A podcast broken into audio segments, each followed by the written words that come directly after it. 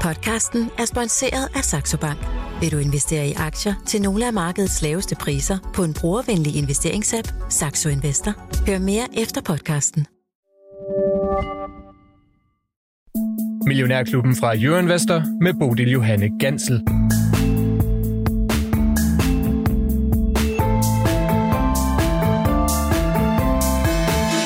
Velkommen tilbage her i salongen til anden del af Millionærklubbens eksklusiv arrangement. Øh, og øh, hvis du lytter med derude på podcast og lige har tændt for din podcast, så kan jeg anbefale, at du går ind og lige finder afsnit 1 først, så du får det hele i den rigtige rækkefølge. Men her, live, lige her hos os, der er altså kun én vej, og det er lige ud.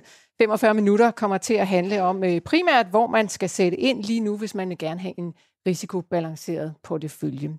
Lad os øh, sige Velkommen til panelet endnu en gang. Jeanette Kølbæk fra Nykredit til Jens Sløstrup fra ja, den virkelige verden, får jeg lyst til at sige, og Lars Svendsen fra Svendsen og Tudborg. Giv mig en hånd. Og uh, Jeanette, vi havde dårligt slukke for mikrofonerne, før du lige tog fat i mig og sagde, uh, der var simpelthen noget, som jeg virkelig, virkelig gerne ville have med. Og det handler om uh, risikofrit afkast. Ja. Hvordan i alverden laver man det? Ja, hvordan gør man det? Ja. Det, øh, det er jo det, vi alle gerne vil, vil have, kan man mm. sige. Ikke? Risiko for afkast skal jeg ses i den øh, kontekst af, at der findes jo rigtig mange måder at investere sine penge på, og mange ting at investere dem i. Men noget af det, som jeg egentlig bare lige vil give en, øh, en øh, lille besked omkring, det er jo det her med, hvor er det, så man investerer pengene igennem. Aktiesparekonto, der ved jeg, mange af jer har en. Der er i hvert fald 300.000 danskere, der har sådan en, en øh, kontotype. Og noget af det, som er et godt lille fif, er, at hvis nu man kigger på sin økonomi som sådan en helhed, og man siger, at jeg skal have noget risiko, og jeg skal have lidt mere sikkerhed, så er det en fordel at lægge pengene øh, der, hvor der er størst, eller lavest afkast, øh, skat, lavest afkastskat, det er det, jeg vil sige. Så man kan lige så godt give den fuld gas på sine øh, pensionsordninger, man kan lige så godt give den fuld gas på aktiesparekontiene, fordi der har du så et højere afkast, men til en lavere afkastskat. Og så kan man måske køre lidt mere sikkerhed over i, i, i det helt almindelige depot, hvor du alligevel er bonger op med i hvert fald omkring 30% i afkastskat. Ikke? Og det er jo i hvert fald en måde at tænke lidt ind i den her med at optimere sin portefølje en lille smule. Og det, er jo, øh, det får du jo afkastfrit, fordi skat opkræver bare det mindre. Jens, bruger du de her muligheder, når du investerer? Ja, jeg fik endda også kritik fra min kone på et tidspunkt, for der gik, jeg gik for hurtigt i gang med pensionerne. og og, og jeg, kan, jeg kan virkelig anbefale det med pensionerne, at man, man sætter sine penge ind der, hvis man kan det stadigvæk, og så kun bliver beskattet med palskatten, der jo er 13,3, eller 15,3 procent, tror jeg, den er. Øh, problemet er jo bare, at man bliver så beskattet, når man tager pengene ud. Jo. Så det er ikke sådan, at skatten forsvinder. Men de afkast, man får, er så til en lavere skat. Så, så hvis, hvis man kan, så skal man vente med at hæve sine pensioner. Øh, lad pengene blive stående der og bruge de frie midler først, sådan så man kan lave noget afkast til en, til en lav skat. Og nu vi er ved de pensioner, så øh, har der jo lige præcis i dag været en debat ude i medierne, eller de seneste par dage, jeg så i hvert fald i dag, at øh, Troels Blikker Danielsen, som er administrerende direktør i landets tredje største arbejdsgiverorganisation Teknik, han var ude at sige, at de unge sparer simpelthen for meget op til pension, Jeanette. Er det, altså, er det et problem, når vi taler risiko? Altså, man simpelthen får puttet for meget væk til er noget, der er langt ude i fremtiden, og altså ærligt talt, ikke for at det skal være meget morbidt den her aften, men vi ved jo ikke helt præcist, om vi kommer til at bruge alle de penge. Altså, nej, jeg tror, man skal lige skelne mellem, at dem, der kommer på arbejdsmarkedet i dag, er for mange tunge til at have en arbejdsmarkedsordning. Så der bliver du tvunget til, det. du kan simpelthen ikke undgå det. Og det er jo vigtigt at vide, når du så kommer ud på arbejdsmarkedet som 25-årig, og hvad er pensionsalderen for en 25-årig? 105. Præcis. Lige nu ligger det estimeret faktisk til 73 år. Det er ikke endelig fastsat endnu, men det er jo ud fra, at vi bliver ældre og ældre. Og du sagde jo også selv, at du skulle i hvert fald være over 90, ikke? Øhm, så du bliver ældre end gennemsnittet. Men, og det er jo det, der er tankevækkende. Så du har afsendt i mange år på arbejdsmarkedet til at spare op. Og det er jo blandt andet noget af det, der gør, at vi får store pensionsordninger øh, hen ad vejen. Men så er det selvfølgelig også vigtigt for dem investeret. Fordi hvis de bare står kontant eller til øh, kontorente, eller hvad ved jeg, ja, så bliver det jo faktisk, du bliver faktisk fattigere med årene. Fordi så udhuler hvad hedder det, inflationen selvfølgelig din formue. Ja. Og man kan vel også løbe det, der hedder for lav risiko, øh, ja. Jens Løstrup. Er det, er det farligt, havde han sagt? Altså, jeg, jeg, vil, jeg vil helt klart sige, at, at vi lever længere og længere, og der er flere og flere muligheder. Vi er friskere og friskere. Øh, og, og selvom man er blevet 80, kan man jo godt have lyst til en rejse. Og det vil da være ærgerligt, at man i den lange periode, man har efter sit arbejdsmarked, efter sit arbejdsliv, hvis man da ikke har muligheden for at kunne rejse eller lave nogle sjove ting. Øhm, det, der kan være lidt problemet, det er, at hvis man sparer op i de her normale pensionskasser, så er der altså bare øh, gang på gang, man siger, åh, der er for lidt i afkast. Øh, og det jeg selv har gjort, og jeg kan anbefale, det er at få flyttet det, man kan, over i en bank, i en pensionskonto og købe selv nogle aktier. Det er langt at foretrække frem for at have det stående i en pensionskasse, synes jeg. Jamen, nu er du selvfølgelig også altså, virkelig, virkelig god til at investere, Jens. Hvis nu Nej, er sådan en nej, helt, vil helt sige- almindelig øh, Ja, privat helt investor. almindeligt og helt almindeligt, kan man så sige, hvis man, hvis man er gennemsnit i markedet, i det danske marked, så ligger man med en 7-8 procent.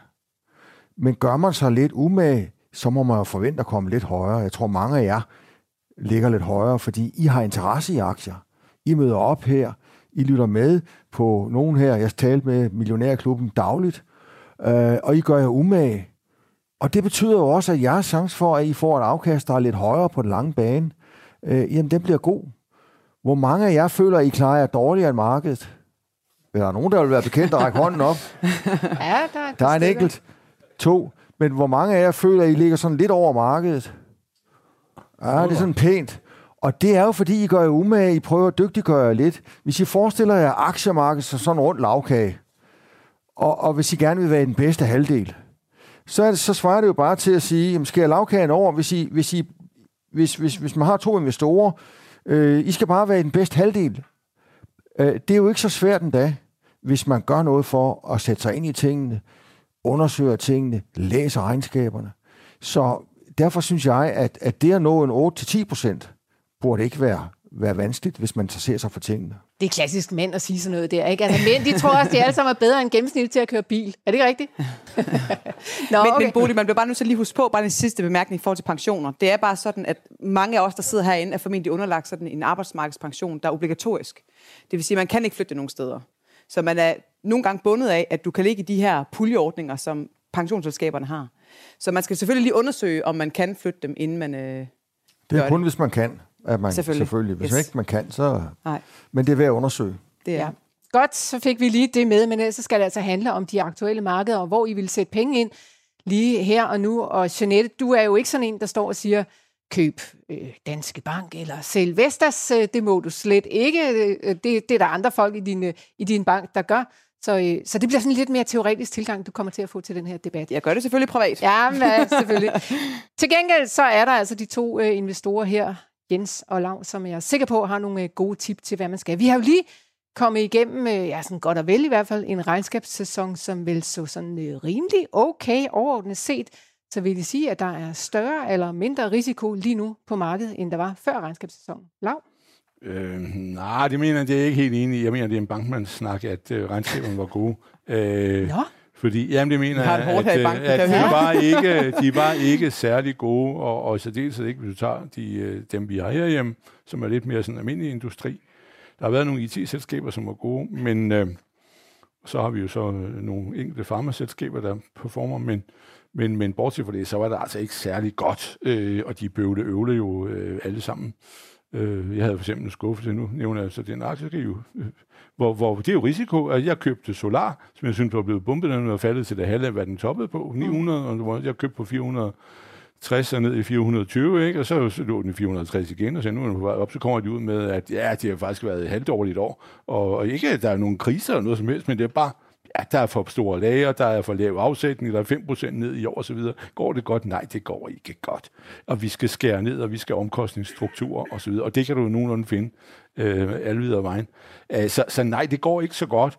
Og, og aktiemarkedet er, som jeg sagde før, altså øh, totalt set øh, ligger det halvanden procent fra all-time high, men der er mange danske aktier, som er kommet ned i øjenhøjde og, og, og øh, kan, kan, vi kan have med at gøre. Der er risikoen nok ikke så stor, så, så, så jeg har faktisk lavet en beslutning for det her år. Øh, Det er, at hvis jeg har nogle sådan almindelige aktier, så hvis jeg tjener 20% på dem, så var der ikke nogen, jeg har dybe følelser for, at jeg har regnet ud, at det her skal være en eller anden har du pris. aktier, du ikke har dybe følelser Ja, det for? jeg. Det har, jeg, det har, jeg. Men, men, men, men så vil sige, hvis jeg tjener 20 procent, farvel. Tak for pengene, farvel. Øh, det kan godt være, at de kan meget, meget mere, men hvis ikke det er et eller andet rederi, eller noget andet, som jeg siger, den her, den koster, skal koste så meget, så, så vil jeg bare sige, ved du hvad, tak for pengene, det er gået godt, og jeg har lige haft nogle Volvo, de var altså heldige, så, så de steg næsten 20 procent, så ved du hvad, jeg ved, Volvo Car, den der oppe i Sverige, jeg siger, ja, jeg har jo ikke nogen mening om. De stod for den der skilte, øh, de der elbilproducenterne ud, og så siger jeg, jeg ved du hvad, du, 20 procent. Jamen, det, jamen jeg, jeg, tror bare, det er, det er en forsvarsmekanisme. Det er jo en tomfingerregel, men det er en forsvarsmekanisme, der siger, hvis har et marked, hvor jeg ikke kan se, at nu er det en fantastisk positiv trend, der går op, det tror jeg ikke på, det er. Jeg tror, det er, er sådan noget her, og måske med downside i USA, så, øh, så hvad hedder det, så skal jeg ikke sidde der og, og, og vente på at få vridet det sidste ud og sige, 20 procent, tak for det, farvel. Jeg synes også, hvis du kan lave 20 procent på det, du ja, ikke har følt, det, det er ganske udmærket, Lars Svendsen. Øh, lad os, øh, lad Ja, os det er blive godt. enige ved det. Så er vi enige. Jens, øh, er du enig med Lars Svendsen i, at øh, det ikke har været en god regnskabssæson? Ej, men for det første vil jeg lige sige, at jeg elsker jo den her tid. Jeg ved, jeg snakker med nogle af jer, af, af jer tilhører, der også har det ligesom jeg, at det er spændende at få det her årsregnskab ind og se, hvad der er sket. Ikke? Jeg synes, der mangler nogle stykker endnu, og specielt de lidt mindre sidder jeg og venter lidt på, skal komme. Nogle af de mellemstore banker øh, mangler stadigvæk. Øhm, men indtil nu er det jo gået ganske fint. Og de regnskaber, der har været, jeg så sådan en klassifikation, hvor nogle, man har målt det op imod, hvad analytikerne havde ventet. Og der er det sådan været svagt positivt, i den svagt positive ende, der er ikke ret mange regnskaber, der har været nævneværdigt værre end forventet. Så, så alt i alt ganske positivt. Når man så lige husker på, at 2023 var jo et år med rentestigninger, og med opbremsning, planlagt opbremsning, så er det jo fantastisk, at man kan sidde som og være med i nogle selskaber, som alligevel klarer sig ganske udmærket. Så alt i alt synes jeg, det er en, en, en positiv øh, tid. Det er klart, nu bliver der nævnt Solar, at når renten er gået op, alt hvad der hedder byggebranche, alt hvad der hedder underleverandørarbejde til byggebranchen, der skal man nok lige overveje, om det er det rigtige sted. Det kan godt være, at de er faldet lidt, men der er jo en grund til det, fordi der bliver bygget mindre. Vi har set, at huskompaniet har den halve ordrebeholdning af, hvad de plejer. Så der er altså noget, der går ondt i det hjørne. Men resten, synes jeg, alt overvejende af erhvervslivet har det rigtig godt.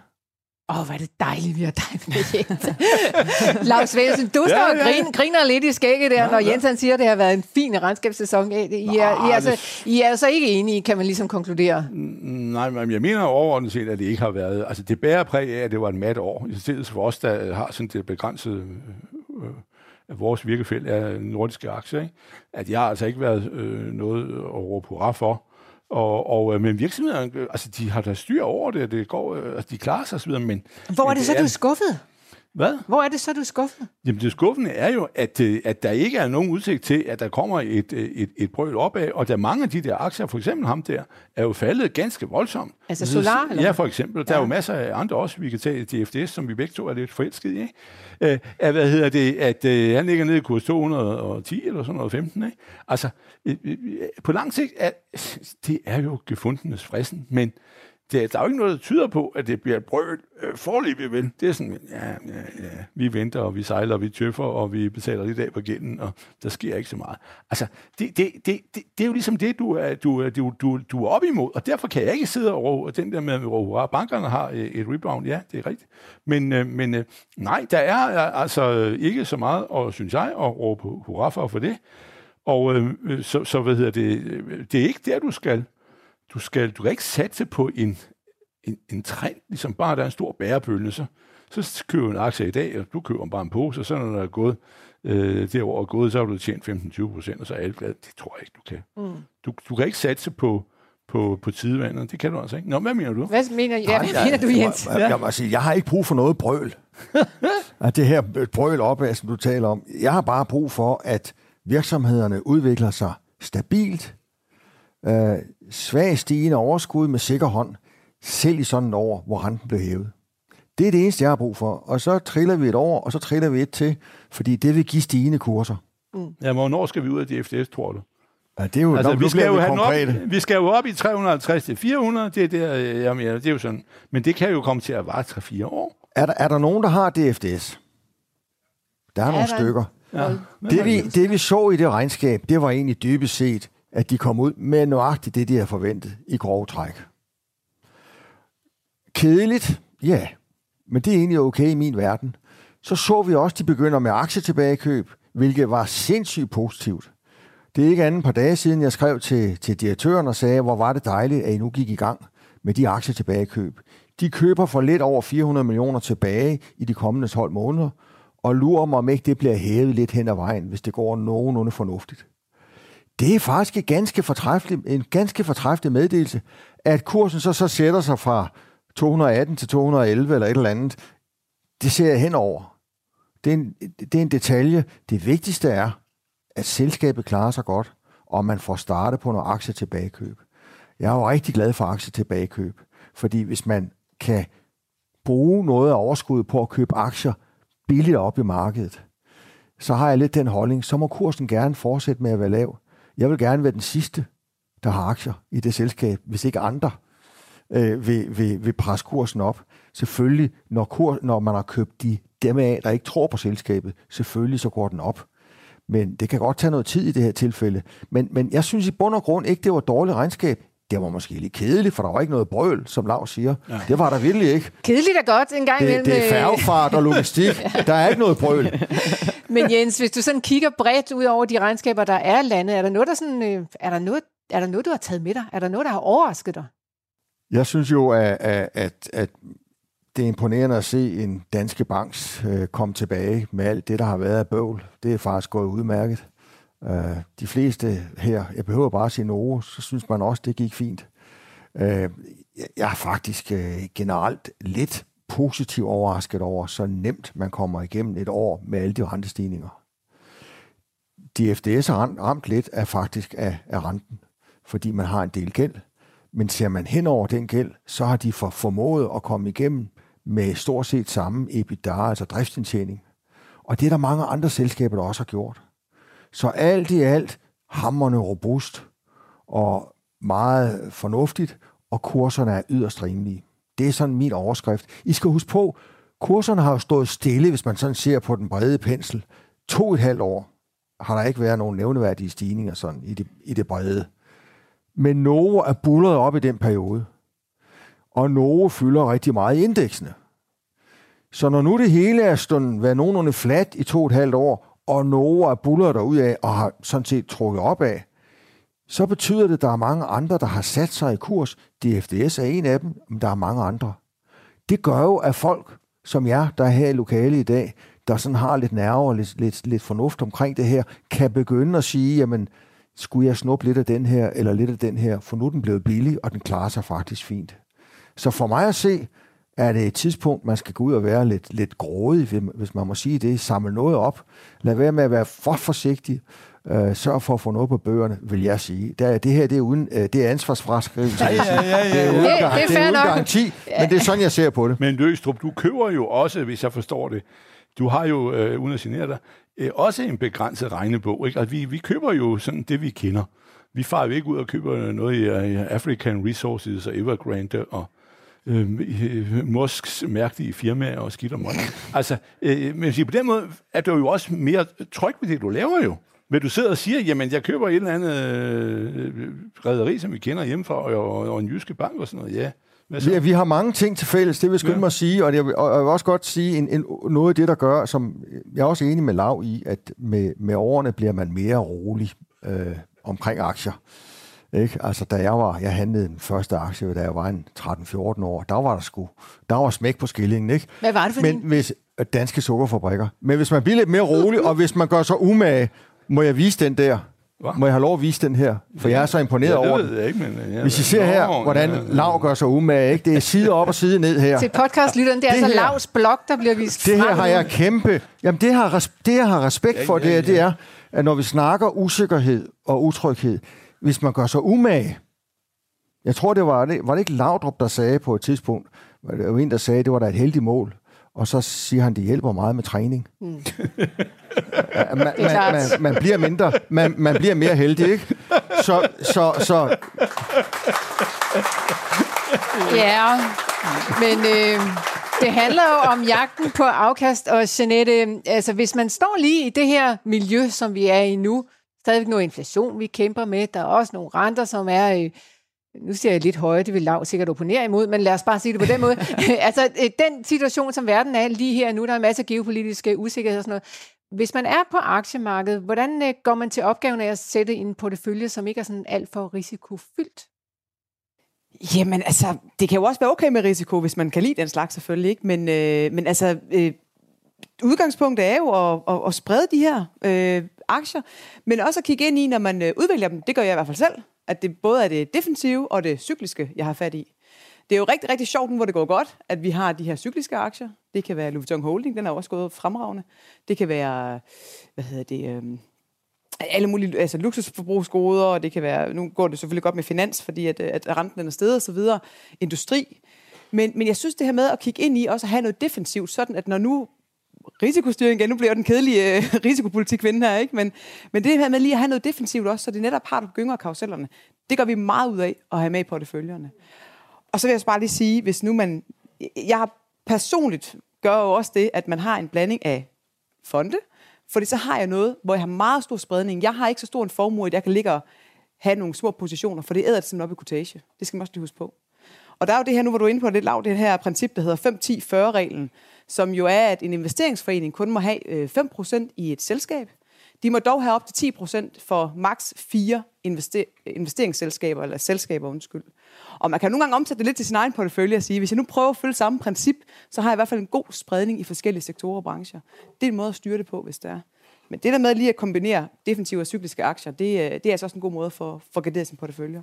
Lars Svendsen, hvordan gør ja. du det? Defensive ja. og cykliske aktier, har du sådan meget ja. fokus på det, når du skal putte uh, ting i, din, uh, i dit Nej, depot? Nej, ikke så meget det der. Men du nu, mange siger, nu er jeg mange rædderier. Jeg tror, jeg har 30 procent af mine penge, eller 35 i rædderier. Men så er det meget cyklisk, vil nogen sige, men det er jo ikke den måde, jeg ser det på. Og jeg tror, at noget af det, som Løstrup, og jeg prøver på at sige, hvis jeg må fortolke dig, det er, at, at altså, mange mener jo, at, uden at genere, at øh, man skal ligesom købe aktier for afkast. Der er gang i det, og vi skal have noget og så videre. Og så vil vi måske endda gå helst de steder, hvor der er mest skub i markedet, og så skal vi have det og løbe med de andre. Ikke? Jeg mener, at den måde, man får en lavere risiko på, det er, at de aktier, man køber, køber man ikke, fordi øh, de står øverst på en eller anden liste over, at de har været i himmelstormer i afkast, eller indgår med en stor vægt i nogle indeks og sådan noget. Det gør man ved, at man sidder og siger, at den her aktie, som, som, som koster 100, som jeg har, mener har noget begreb skabt om, den kan jeg vurdere øh, med mine beskidende evner, den, den skulle jo være meget, meget, meget mere værd. Ergo køber jeg den, fordi altså, man vælger den positivt til, frem for bare at købe noget. Og der mener jeg, at der er i vores tid for mange øh, der løber med på aktiemarkedet og bare køber øh, til højre og venstre, og ikke aner, de har ikke nogen holdning til, hvis du gik ned og spurgte mange, nu skal vi ikke genere jer, men, men man skal jo ikke genere sit publikum, men sige, hvorfor ligger du med det øh, halvøj der, ikke? Ja, det ved jeg jo ikke. Ja, det, det indgår jo med 8% i, i, i Nasdaq-indekset og alt muligt andet, og så, så skal jeg da også have nogle af det. Men nej, hvorfor skulle du have det? Det er fuldstændig ligegyldigt, om man er med i Nasdaq-indekset eller, eller hønsekødsuppe-indekset. Det er fuldstændig lige meget. Øh, du skal købe det, du vil have, fordi de skal være mere værd. Løstrup står her og græder over, at han ikke kan finde ud af at sælge sin øh, jyske bank, selvom den er sted til 500. Han tror, han skal have 800 for den, eller sådan noget. Æ, æ, æ, æ, nå, men det er jo fordi, manden satser på det. Det er jo ikke, fordi han bare køber en bank. Det er, fordi han siger, nej, min jyske bank, du, den skal i et eller andet stort tæt udsæt, det jeg ved det ikke. Men, men, men, nå, men det, det, jeg mener, det er den måde, man får sin risiko ned på. Det er der ved, at man vælger det, som man positivt ønsker at være i, og så kan man godt tage fejl. Men, men, men det er der, hvor du så øh, har risikoen. Nå, hvad Jens Løs, Jamen, øh, hvis, hvis jeg må bare jeg det vil må sige, fordi Lav og jeg er faktisk jo enige om mange ting. Ja. Og nu vil jeg give et eksempel på, hvad jeg, hvad jeg mener, man ikke skal gøre, og som Lav vil være enig i, når jeg siger det. Man skal ikke gøre det, man, man tager avisen og siger, jamen, øh, nu, har jeg, nu har jeg set Tesla sætter priserne ned med 10 procent. Det her det er en konkret, jeg har hørt et eksempel de sætter pris ned med 10%, de får nok mere salg. Og for øvrigt har jeg lige været ude, jeg kender en, der har købt en nye Tesla-model. Den var også lækker. Øh, jeg har ikke læst regnskabet, øh, men jeg køber nogle af dem, fordi jeg fornemmer, at det bliver nok godt. Det er det, man ikke skal gøre. Det, det tror jeg, Laura og jeg kan være fuldstændig ja, ja, ja. enige om. Det er blind høn. For, forudsætningen for at tjene penge, det er, at I får læst kvartalsregnskaberne, prøver at forstå det her lidt dybt, det selskab, I går ind i, følger det tæt. Det er sådan en afgørende for os. Og det er derfor, jeg også siger, at det er så dejligt at se, at Lav han er så grundig med sine forberedelser. Og jeg vil da sige, øh, hvis nogen af jer ligger med de her aggressive amerikanske aktier, og godt ved, at I har egentlig ikke fået læst det regnskab, øh, I er ikke så tæt på, så overvej selv, overvej at købe noget, noget dansk i stedet for. Mm. Lav, øh, du står ja. faktisk af ære til at harcelere i vores øh, studie, eller måske nærmere nede på øh, redaktionen, når vi har haft gæster. Og det er ikke fordi, du ikke kan lide de gæster, vi har i, i studiet. Du plejer at være sød og rar og flink, ja, ja. for det meste i hvert fald. Øh, men så harcelerer du lidt imod, at der er simpelthen der er for meget storytelling, siger du. Der er alt for ja. meget storytelling. Ja. Er det lidt det, som vi er inde på her med, med Løstrup's Ja, fortælling? fordi man kan sige, det med storytelling, det er jo for eksempel sådan noget med, at øh, verden vil blive digital, ikke? at vi skal have elbiler, og vi skal have det der. Så kører man øh, sådan noget som, jeg sad der og kiggede for, nu, for en uge siden på lithiumprisen, den havde været op i en, et eller andet tal, så var så stort, som man tror det løgn, og så var den faldet som sten, og nogen mener, at i 26 kan man slags skaffe lithium nok til de batterier, der skal bruges til bilproduktionen, som vokser. Ikke?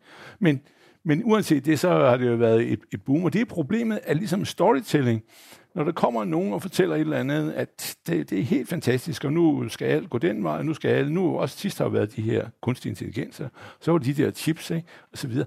Der er jo ikke nogen, der skal bilde nogen ind, at Nvidia bliver den eneste, der kan lave en chip. Vel? For to år siden var det TSMC, uh, øh, Taiwan Semi, som kørte på den samme med noget andet chip, som skulle finde ud af at bakke en bil og sådan noget.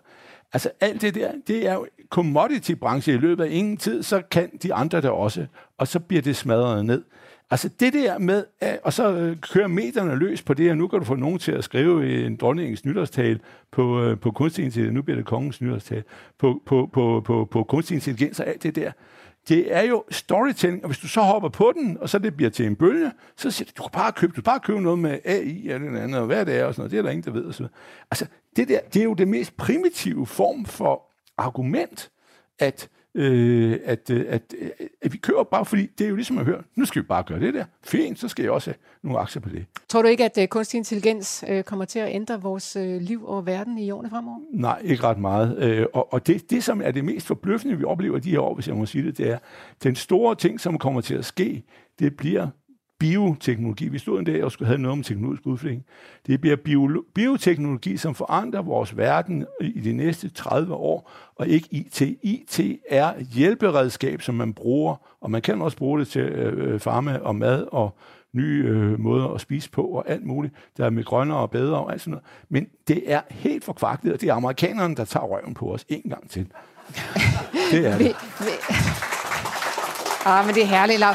Altså, kan du ikke lige nævne nogle selskaber inden for bioteknologi, så hvis nu man sidder dernede og tænker, oh, det skal jeg undersøge uh, lidt nærmere. Hvad kunne det være? Så får jeg en straks med. Nej, ja, det kan jeg jo så ikke så meget, fordi det er ikke super.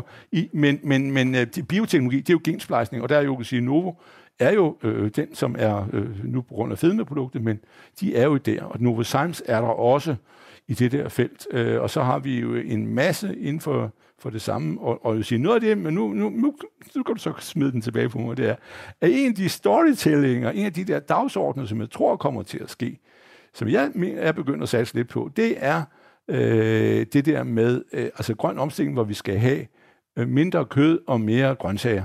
Øh, øh, og jeg håber ikke, min kone hører det, men, men, øh, men, øh, men, men hvad hedder det? Det der, øh, det der skift der, og, til, og, og, så skal, og det er jo blandt andet jo Novozymes, der skal gøre det, og de er jo også der, fordi vi har købt Christian Hansen, øh, fordi de kan sådan noget. Ikke? Mm. Altså, den der udvikling der, den bliver stor. Men det er jo så også, og det er jo netop det der med storytelling, ikke? det er jo kun begyndelsen af en historie, der siger, jamen vi er nødt til, til at gå den vej, vi kan ikke have så store dyrehold og alt det der, og, og så kan man forkorte fødevarekæden, og så øh, er der mere mad til alle og sådan noget. Mm. Ja, ja. Øh, men så, så, så no... nej, det er ikke mig, I skal spørge, men, men, jeg, men altså, jeg vil bare sige, generelt, bioteknologi bliver meget vigtigere for verdens udvikling, end det, uh, end, hvad hedder det, det der IT-pis. Så, og, og det sjove med IT er jo, at det er jo det mest, det er jo det mindst øh, komplicerede at, uh, uh, at kopiere. Altså al konkurrence handler om patenter og alt muligt andet. Hvor mange patenter har de der? Ikke ret mange. Og de patenter, de har, de kan omgås i løbet af 10 minutter. Det, altså, det er katastrofe. Altså, IT-sektoren er øh, på den måde omkring de der rettigheder katastrofalt, og derfor dem, der tjener penge, det er dem, der sælger sig på et marked. Det bliver meget bredt lav, når vi siger IT-sektoren, fordi hvis du taler om ja, bioteknologi, det det. så er det jo også IT-sektoren, okay. kan man sige. Altså, så... men, men det er jo en interessant vinkel, fordi det man jo så kan gå ind og gøre som investor, hvis man ikke lige kan fange det her biotekselskab, som kommer til at performe bedre end alle andre, så er der jo de her øh, indeks, der findes i uh, øh, ETF-versioner i, gå ved hvor mange øh, varianter, som der er. Og der er det jo en god idé at sige, hvis det er den branche, jeg tror på, og jeg ikke lige kan finde morgendagens vinder, men vil have et bredt udvalg af dem, så kan man jo gå den vej for ligesom at understøtte, hvis, hvis man tror på det, Lav siger, det bliver fremtiden. Ja. Jens Løstrup, hvad tænker Jamen, du om bioteknologi? Jeg, jeg vil bare gerne sige om ETF'er der, hvor man bare kører ind i et indeks. Uh, jeg, jo flere, der gør det, jo, bedre, jo glæder jeg. Fordi man, man tager jo det hele, revl og krat, øh, ligegyldigt hvad det er for nogle selskaber. Øh, om det er Ørsted eller hvad ved jeg, de ligger jo alle sammen i indekset. Siger du også, så hvis, hvis, hvis, hvis, hvis, hvis, hvis, hvis 90 øh, procent af markedet tog indeks, og vi andre så kunne sidde og plukke de gode aktier, så ville det jo være helt fantastisk. Der skal man passe lidt på, synes jeg. Tag det, I kender, tag det, I trygge ved, tag det, I selv følger med i. Det er langt at foretrække. Klimerne.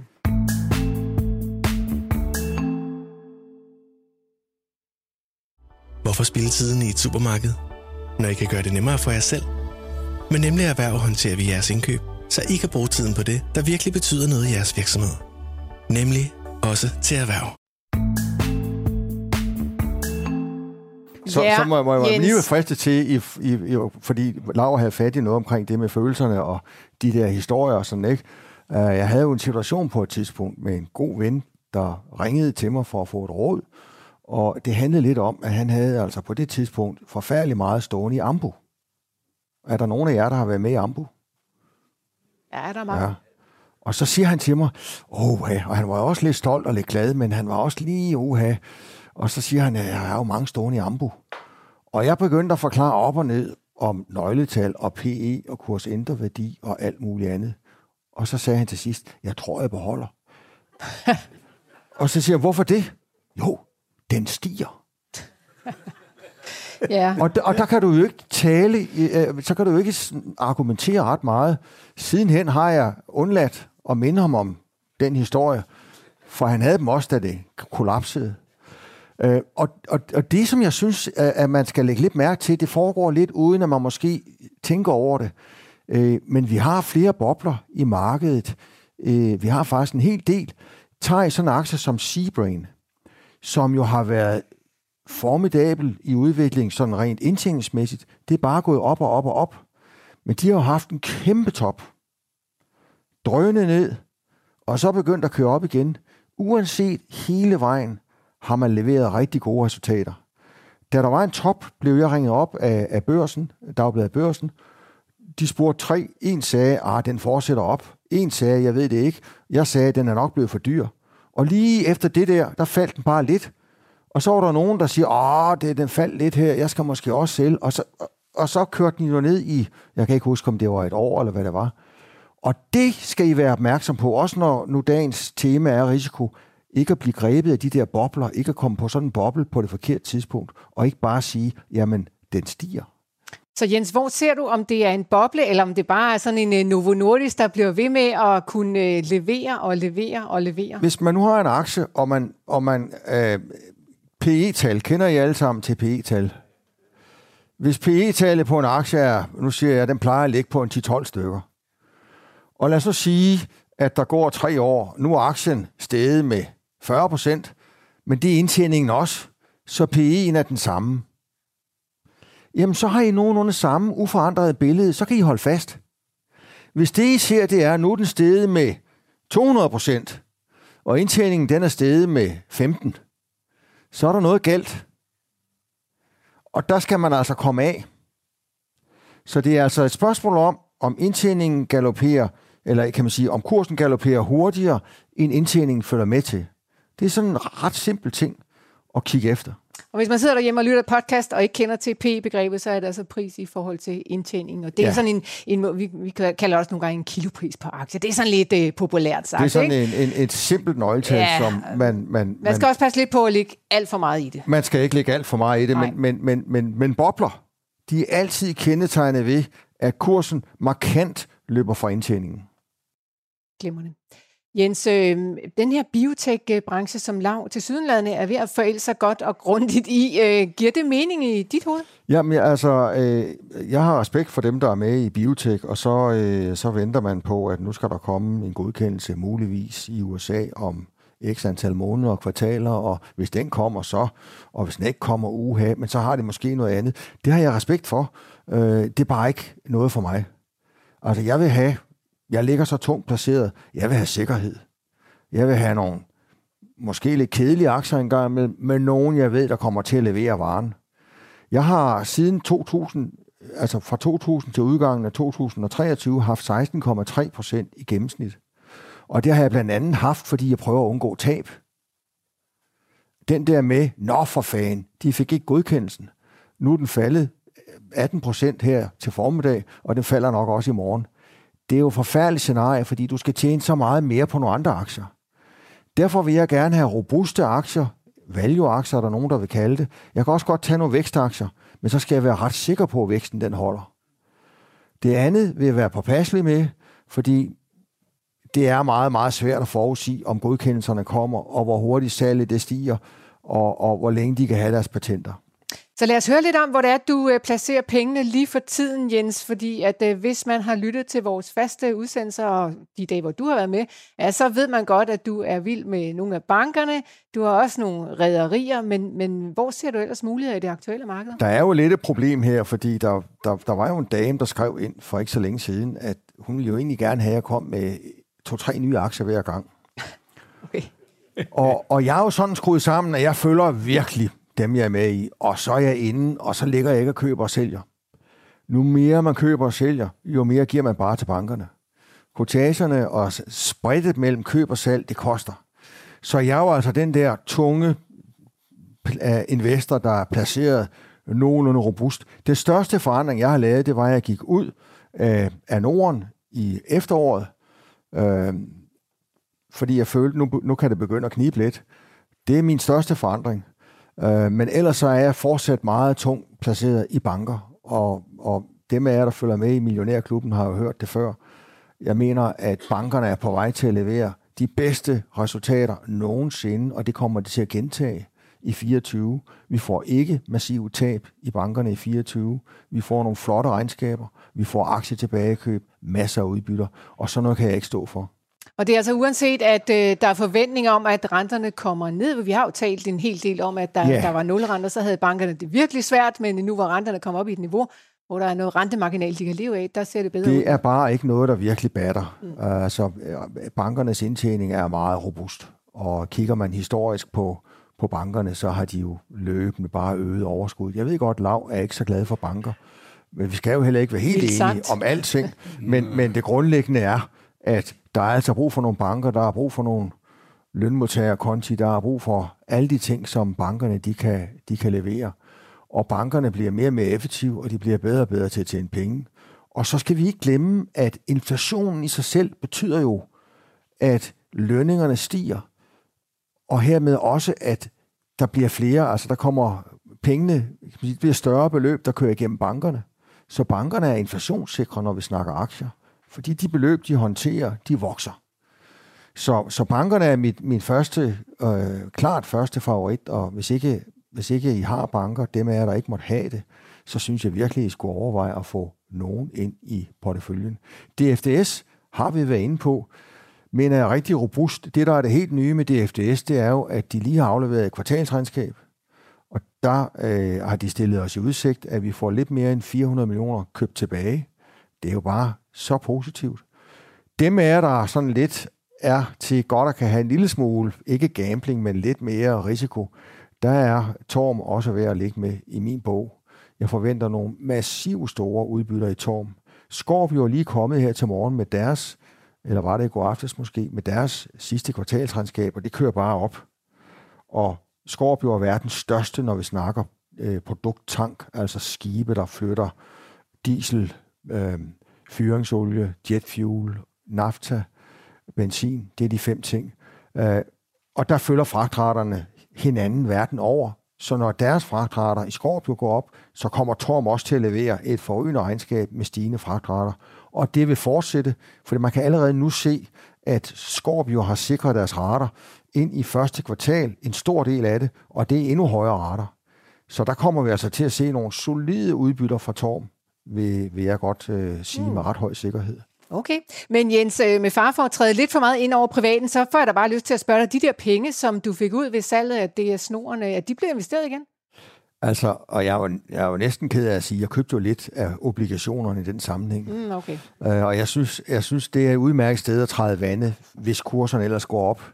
Uh, så kan man ligge lidt der. Uh, så, så en del af dem købte Øhm, og så er jeg også, må jeg sige, på det private køber jeg også samtidig unoterede selskaber, og der har jeg så investeret i nogle der. Men nu er Norden jo faldet lidt, så kan du jo komme ind og samle. Ja, jeg, jeg, jeg, jeg, jeg, fraråder, jeg fraråder Norden, det må jeg sige. Jeg tror, det bliver et trist år i år. Nå, okay. Det er derfor, jeg har solgt det hele ud.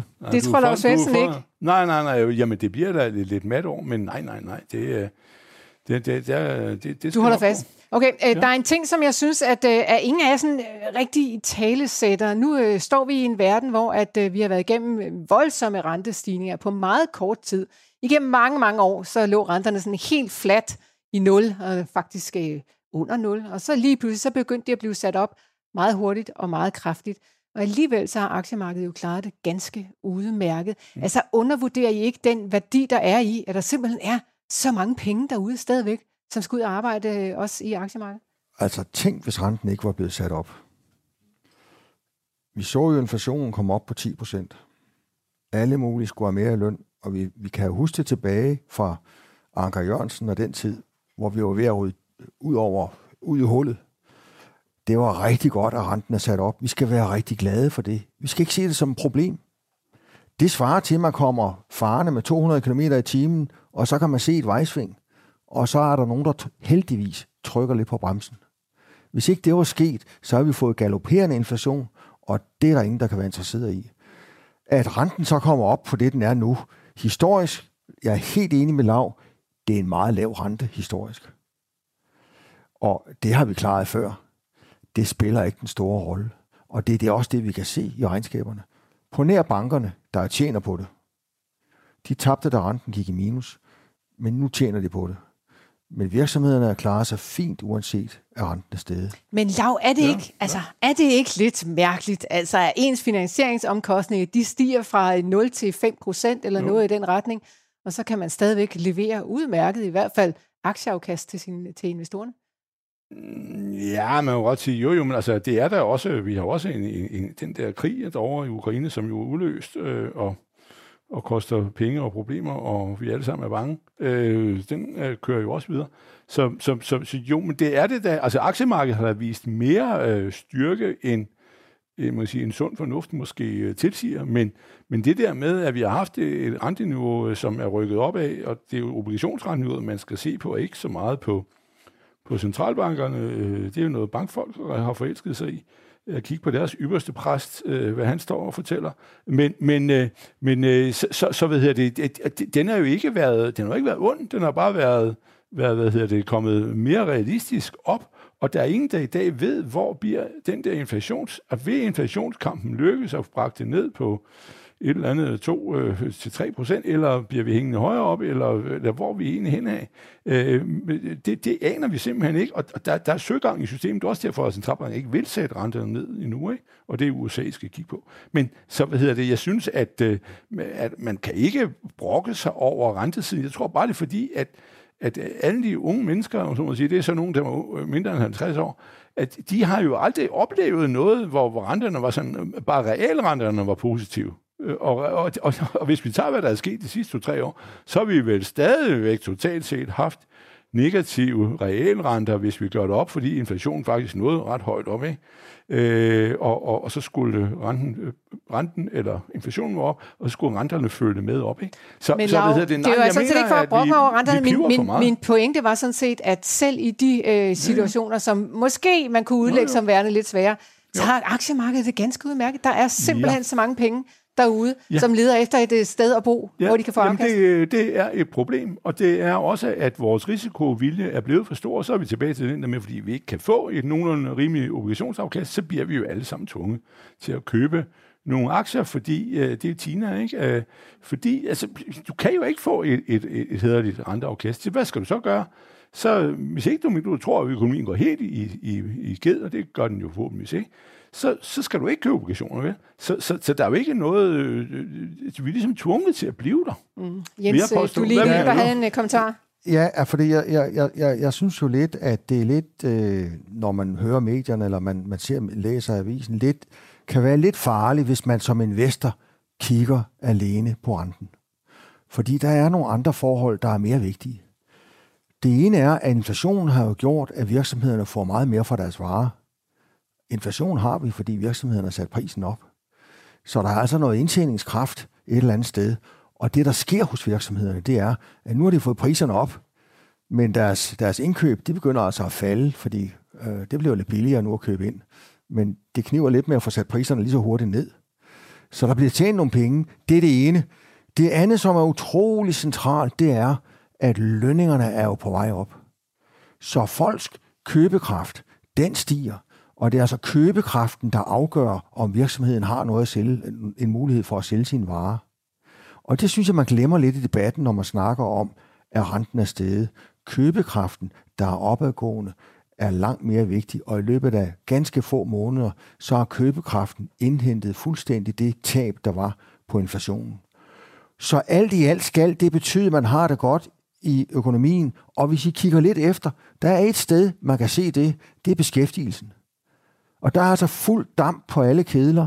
Det er svært at finde folk. Vi er tæt på en rekord i beskæftigelse. Tyskerne har det lige sådan. Amerikanerne har det også lige sådan. Så jeg synes, man skal passe på ikke at falde i den grøft, at man kigger på en rentesats. Det betyder ikke så meget. Glimmerne. Det blev alt, hvad vi nåede her den her aften. Et sidste, et af de helt svære spørgsmål, som jeg lige synes, bare for sjov, at vi stiller til jer to herrer, det er selvfølgelig aktiemarkedet højere eller lavere, når vi slutter 2024. Lars Svendsen, end hvor vi er nu. Er det MSCI-indekset, du taler om? Nej, Det lad os bare tage det danske, Det så øh, danske? det er det, du, det, er det, du kan Jeg tror, det danske vil være lidt højere. Lidt højere. Jens. Jeg vil gætte på 10 procent plus. Herfra? Ja, altså i Danmark, ja, jeg er fra året startet, det var Okay. med den er allerede stedet 4, men altså Okay. sådan noget. Men ja, sådan noget, lignende. det vil jeg tro, det bliver... Jens, tag du Men vi har været et bud? enige om mange ting. Jeg vil sådan set sige det samme. Okay. Uh, altså, jeg, ser, jeg ser det samlede over til at lande med plus på 10-20 procent. Igen uden garanti. Men det er bedste bud fra min side. Jamen, øh, vi holder dig op på det, uanset hvad, om der er garantier med eller ej. Det er jeg helt sikker på. Vi sætter et øh, punktum der. Det var alt, hvad vi nåede i dette eksklusiv arrangement. Jeg håber, I har fået noget med hjem. Øh, tak til Janette Kølbæk, til Jens Løstrup og til Lars Svendsen.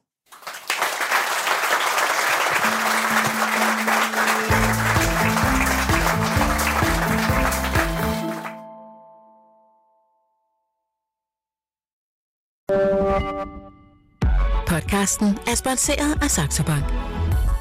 Vi starter året med lave priser på globale aktier. Nu kan du blandt andet investere i amerikanske aktier til kun 1 dollar i minimumskortage. Kom i gang allerede i dag på saxobank.dk og opret en gratis investeringskonto.